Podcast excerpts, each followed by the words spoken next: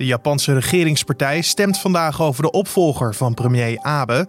De rechtszaak over uitlatingen bij de Sinterklaasintocht van Amstelveen gaat van start. En de Russische president Vladimir Poetin en president Alexander Lukashenko van Belarus ontmoeten elkaar vandaag in Sochi. Het belangrijkste onderwerp zijn natuurlijk de aanhoudende protesten in Belarus. Alleen wat zal de uitkomst zijn? Zal Belarus verder worden geïntegreerd met Rusland? Dit wordt het nieuws. Rusland is daar sowieso een voorstander van, want die wil eigenlijk een deel van, de, van het Rijk zo groot mogelijk weer herstellen na het uiteenvallen van de Sovjet-Unie. Dat voelt als een, als een geamputeerd stuk wat pijn doet en wat weer hersteld moet worden. Dat was Hella Rottenberg van het kennisplatform Raam op Rusland. Met haar gaan we vooruitblikken op het gesprek tussen beide politieke leiders en hoe de kaarten verdeeld zijn. Maar eerst kijken we kort naar het belangrijkste nieuws van nu. Mijn naam is Carne van der Brink en het is vandaag maandag 14 september.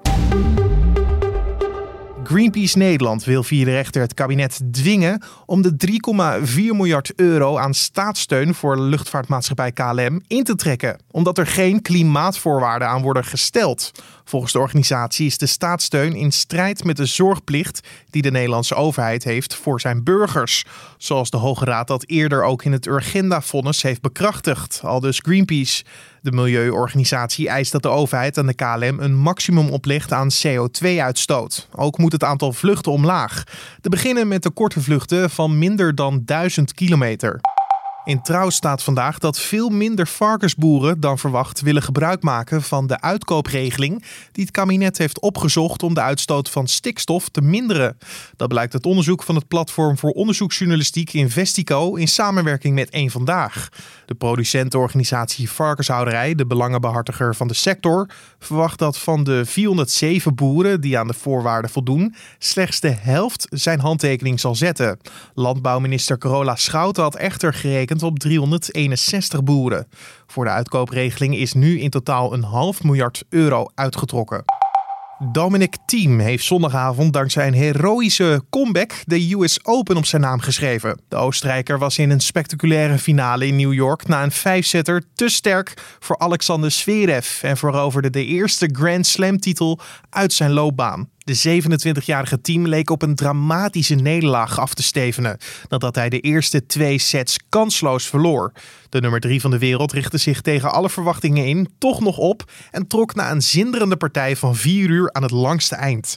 Bij de vrouwen was Naomi Osaka dit weekend voor de tweede keer na loopbaan de grote winnaar van de US Open.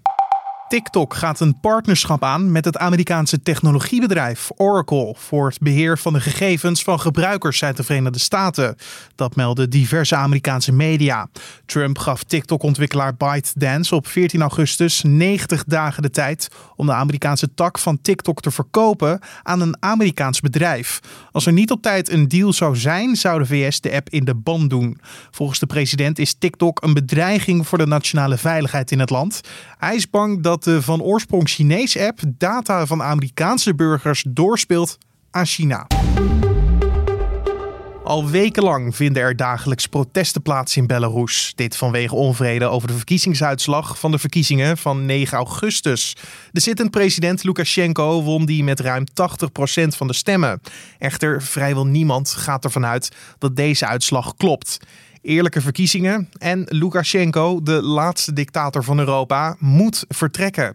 Dat is het doel nu van de demonstranten. Zondag gingen opnieuw tienduizenden mensen de straat op, waarbij weer keiharde politieoptredens nodig waren om de demonstranten uiteen te drijven.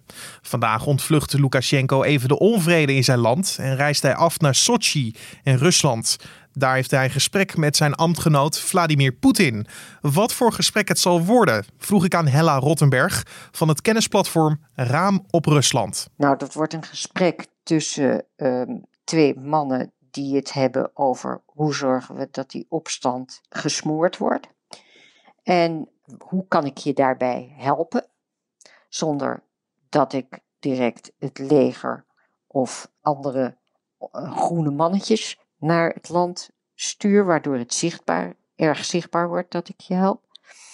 Uh, en wat ga jij mij beloven dat je daarvoor in de plaats gaat geven. Ja, want als je het hebt over die protesten. Zondag was het weer raak in Belarus, in de hoofdstad Minsk. Volgens lokale journalisten waren er honderdduizend demonstranten bij aanwezig. Uh, er zijn honderdtal mensen aangehouden. Dat laat wel zien dat het vuur daar nog steeds niet is gedoofd. Nee, en dat is wel heel, heel opmerkelijk. Want de leiders van die opstand, die, die mensen van de coördinatieraad, die zijn of gevangen, zoals uh, Maria Kolesnikova, of uh, ze zijn gevlucht naar het buitenland of gedwongen naar het buitenland te gaan. Dus het is een, een, een, een opstand die helemaal van onderaf via zelforganisatie nu geschiet, uh, via ja, sociale media. En waar mensen zich ja, hun angst echt hebben overwonnen, want er wordt hard op ingeslagen, mensen worden gearresteerd. De oproerpolitie, die komt als er niet een hele grote massa tegelijk is. Als zodra die massa zich verdunt om naar huis te gaan, beginnen ze te knuppelen en uh, slaan ze mensen in de boeien. Ja, de regering waarschuwde vooraf al hard op te treden tegen mensen uh, die deel zouden nemen aan protesten, waarvoor eigenlijk geen toestemming was verleend dat laat volgens mij wel zien dat ze geen grip hebben op deze situatie daar. Nee, ze hebben er duidelijk geen grip op, want anders zouden die demonstraties al lang niet meer plaatsvinden. En de mensen voelen zich, denk ik, gesterkt omdat ze als massa optreden, omdat ze in grote hoeveelheden, als je met, met 100.000 mensen op straat staat, dan kan een oproerpolitie niks meer doen tegen je. En het bijzondere is dat ze die massa elke week weer op de been willen weten te brengen. En laten die aanhoudende protesten dan zien hoe erg uh, het volk van Belarus ten eerste ja, eerlijke verkiezingen willen, uh, maar ook gewoon een eerlijk land? Ja, ik denk dat uh, het in de eerste instantie ging om eerlijke verkiezingen. En nu is er echt, moet Lukashenko voor de, de, de burgers weg, omdat uh, omdat die politie en de, het gevangenispersoneel en iedereen die die heeft laten optreden tegen de demonstranten, ja, de mensen hebben gemarteld en uh, bont en blauw hebben geslagen, er zijn mensen vermoord. Uh, dus dat, dat is zo'n schok dat mensen dat echt niet meer hebben, accepteren. Mm -hmm. Dat hij heeft, de maskers zijn af. Hè, de, hij heeft zich laten zien als, als, als dictator en als tiran. En de tiran moet weg. Dat is het sentiment nu. En hoe denk je dat Rusland dan kijkt naar de situatie in Belarus, de aanhoudende protesten en ook de positie van uh, Lukashenko? Ik denk dat uh, voor Poetin het belangrijkste is: de straat gaat niet bepalen wie er in een land uh, aan de macht is. Wij laten dat niet door een straatrevolte omverwerpen, een regime. Want dan is het hek van de dam. Want zij willen niet dat er een eerlijke en democratische wind gaat waaien door Belarus? Nee, dat eerlijke democratisch geluid uh, zal een worst uh, wezen, denk ik. Het gaat hem om controle. Het gaat erom dat Wit-Rusland niet afdrijft richting Europa, maar dat het een bufferstaat blijft tussen Rusland en West-Europa. Oekraïne is dat al niet meer. Dus de enige Slavische staat, de broederstaat, die nog uh, een, tussen Rusland en de NAVO staat feitelijk, is uh, Wit-Rusland. Dus dat is cruciaal voor, uh, voor Moskou. Echter zijn er ook steeds meer geluiden van verdere integratie van Belarus met Rusland. Uh, alleen ik dacht dat dat, dat een vreemde dans was. Dat Belarus echt op zijn eigen benen wou staan. Het ene moment uh, Rusland van zich afduwde en het andere moment weer naar zich toe trok. Nou, uh, Lukashenko was daar eerst een voorstander van. Rusland is daar sowieso een voorstander van, want die wil eigenlijk ja, een, een deel van, de, van het Rijk zo groot mogelijk weer herstellen na het uiteenvallen van de Sovjet-Unie. Dat, dat, dat voelt als een, als een geamputeerd stuk wat pijn doet en wat weer hersteld moet worden. De, de Wit-Russen zelf, die voelen zich zeer verwant met Russen, werken ook in, in, in, in grote aantallen in Rusland om geld te verdienen, omdat daar vaak de economie uh, betere mogelijkheden geeft dan in Wit-Rusland. Uh, hebben familie daar, et cetera. Uh, maar een, een, een totale integratie, daar zijn, is de bevolking absoluut niet voorstander van. En Lukashenko was daar eerst wel voor. Toen weer niet. En nu heeft hij heel weinig keuze, want hij vraagt Poetin hem te redden. En in ruil daarvoor zal Poetin zeggen akkoord, maar dan moet dat integratieakkoord, wat al heel oud is, maar wat nooit gerealiseerd is, nu ook uh, handen en voeten krijgen. Maar gaat het al zover dat Poetin ja, al ergens in de la een, een wensenlijstje heeft voor als Belarus met uh, Rusland wordt uh, geïntegreerd? Nou ja, dat wensenlijstje dat is bijvoorbeeld een, een luchtmachtbasis in Belarus. Dat heeft hij vorig jaar december heeft hij nog geprobeerd om Lukashenko daartoe te, te, bewegen om die basis in te richten. Lukashenko heeft dat geweigerd. Daar was Poetin absoluut niet tevreden over. Dus dat zal, er, dat zal een van de verzoeken zijn verzoeken tussen aanhalingstekens.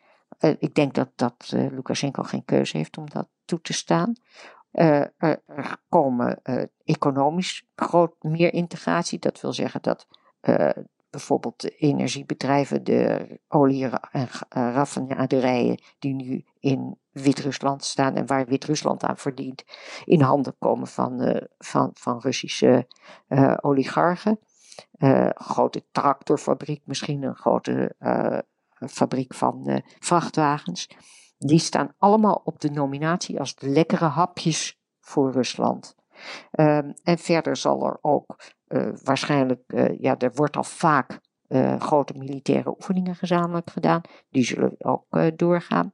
Er zal misschien een fiscale en monetaire unie komen. En op die manier zal de soevereiniteit van Wit-Rusland uh, grotendeels verdwijnen. Ja, maar ik hoor alleen maar uh, plusjes voor Rusland. Uh, zijn het dat ook alleen maar? Of valt er ook wel wat te winnen voor, voor Belarus? Nou, de, niet, misschien niet voor de bevolking, maar wel voor de, de zittende macht. er is bijvoorbeeld een, een, een, een, schuld die, bij Rusland. Nou, die zal kwijtgescholden worden of geherfinancierd worden. er zal economische grotere economische stabiliteit worden beloofd en misschien ook uh, worden geboden. Ja, want uh, als je het hebt dan over wat de bevolking wil, je zei het net al, uh, ze willen natuurlijk dat Lukashenko opstapt en dat de vrije en eerlijke verkiezingen worden georganiseerd. Maar dat lijkt me ondenkbaar als Poetin meer macht krijgt in het gebied. Dat is ook ondenkbaar en daar zijn de Wit-Russen zelf ook van overtuigd dat dat ondenkbaar is. Ja, een van de dingen die Poetin kan bieden aan, uh, aan, aan Lukashenko en die ook doorwerken uh, richting bevolking, zal een verlaging zijn van de energieprijzen. van het gas- en olieleveranties, die zullen dan weer veel goedkoper, misschien voor binnenlandse Russische prijzen, kunnen worden geleverd aan Wit-Rusland. En dat betekent ook dat de, de, de, burgers er minder voor hoeven te betalen. Dat is dan een, een klein voordeel wat ze hebben, maar wat voor veel mensen waarschijnlijk niet zal opwegen tegen uh, het uh, aanblijven van uh, Lukashenko, die zij als tiran inmiddels zien. Maar zal het dan vandaag echt een, een ruilgesprek worden? Of ja, zal het nog niet zo hard van stapel lopen, denk je? Ik denk dat er heel vergaande afspraken zullen worden gemaakt, maar die worden nog niet ondertekend. Want ik weet niet precies wat het, uh, nou ja, de tijdsplanning is. Dat zal ook een tactische tijdsplanning zijn. Van als je nu de integratie bekend maakt, dan uh, wek je weer veel meer protesten op. Dus dat zal geleidelijk aan gebeuren. Maar ik denk dat de afspraken nu wel gemaakt zullen worden. Het wordt in ieder geval geen saai gesprek zo te horen. Nou, ik, ben er niet bij, maar ik denk het niet. Ik denk dat er veel spijkers met koppen zullen worden geslagen. Dat was Hella Rottenberg van het kennisplatform Raam op Rusland. En we spraken over de ontmoeting tussen Vladimir Poetin en Alexander Lukashenko. En dan kijken we wat er verder te gebeuren staat vandaag. De Japanse Liberale Democratische Partij stemt vandaag over een opvolger van Shinzo Abe, die op 28 augustus bekend maakte te stoppen als premier van het land. De winnaar van deze verkiezingen zal zo goed als zeker premier van Japan worden, omdat de LDP een meerderheid in het parlement heeft. Vandaag start de rechtszaak rond een livestream van journalist Clarice Gargard. Zij streamde vorig jaar op Facebook de Sinterklaas-intocht, waarop onder meer activisten van actiegroep Kick-Out Zwarte Piet te zien waren. Mensen plaatsten onder de stream negatieve reacties, ook gericht aan Gargard, die aangifte deed. Het OM liet vorig jaar november weten 23 mensen te vervolgen. En tijdens de tweede rustdag in de Tour de France worden alle renners opnieuw op het coronavirus getest. Bij twee positieve testen bij renners of stafleden binnen één ploeg moet dat hele team naar huis. Ik denk dat Jumbo-Visma met man en macht hoopte dat ze coronavrij zijn, want kopman Primoz Roglic draagt nog steeds de gele trui. En dan het weer. Vandaag wordt het lokaal in het zuidoosten van het land 31 graden. En daarmee zeer warm voor de tijd van het jaar. De ochtend begint vooral in het noorden wel met lokaal wat nevel of een mistbank. Dat trekt snel weg, waarna de zon zich uitbundig laat zien en het blijft droog vandaag. In Limburg kan het bij een zwakke zuidoostenwind 31 graden worden. In het Waddengebied zal het kwik niet verder komen dan 25 graden. Ook dinsdag verloopt het zonnig en bijzonder warm, met lokaal 32 of 33 graden in het zuidoosten. En om af te sluiten wil ik het nog heel graag met je hebben over een zeer bijzonder veilingstuk. Want een haarlok van de Amerikaanse president Abraham Lincoln heeft dit weekend tijdens een veiling in Boston ruim 81.000 dollar opgeleverd. Dat is omgerekend zo'n ruim 68.000 euro. Lincoln was de 16e president van de Verenigde Staten en werd in 1865 vermoord door John Wilkes Booth, een Amerikaanse acteur. Het plukje haar, dat zo'n 5 centimeter lang was, werd afgeknipt tijdens een sectie die op zijn lichaam werd verricht. De lok was geplakt op een telegram dat was bedoeld voor een neef van de weduwe van Lincoln. Het is niet bekendgemaakt wie de koper is. En tot zover de Dit Wordt Het Nieuws podcast voor deze maandag 14 september. De kop is er weer vanaf van deze nieuwe week. En ik hoop dat je met frisse moed hem tegemoet gaat. Dat ga ik zeker. We gaan weer een hoop mooie dingen doen deze week. Zoals Prinsjesdag, die er natuurlijk aankomt. Dus blijf deze podcast altijd volgen, zou ik zeggen. En abonneer je gratis op de Dit Wordt Het Nieuws podcast. Dat kan bij Apple Podcast of Spotify.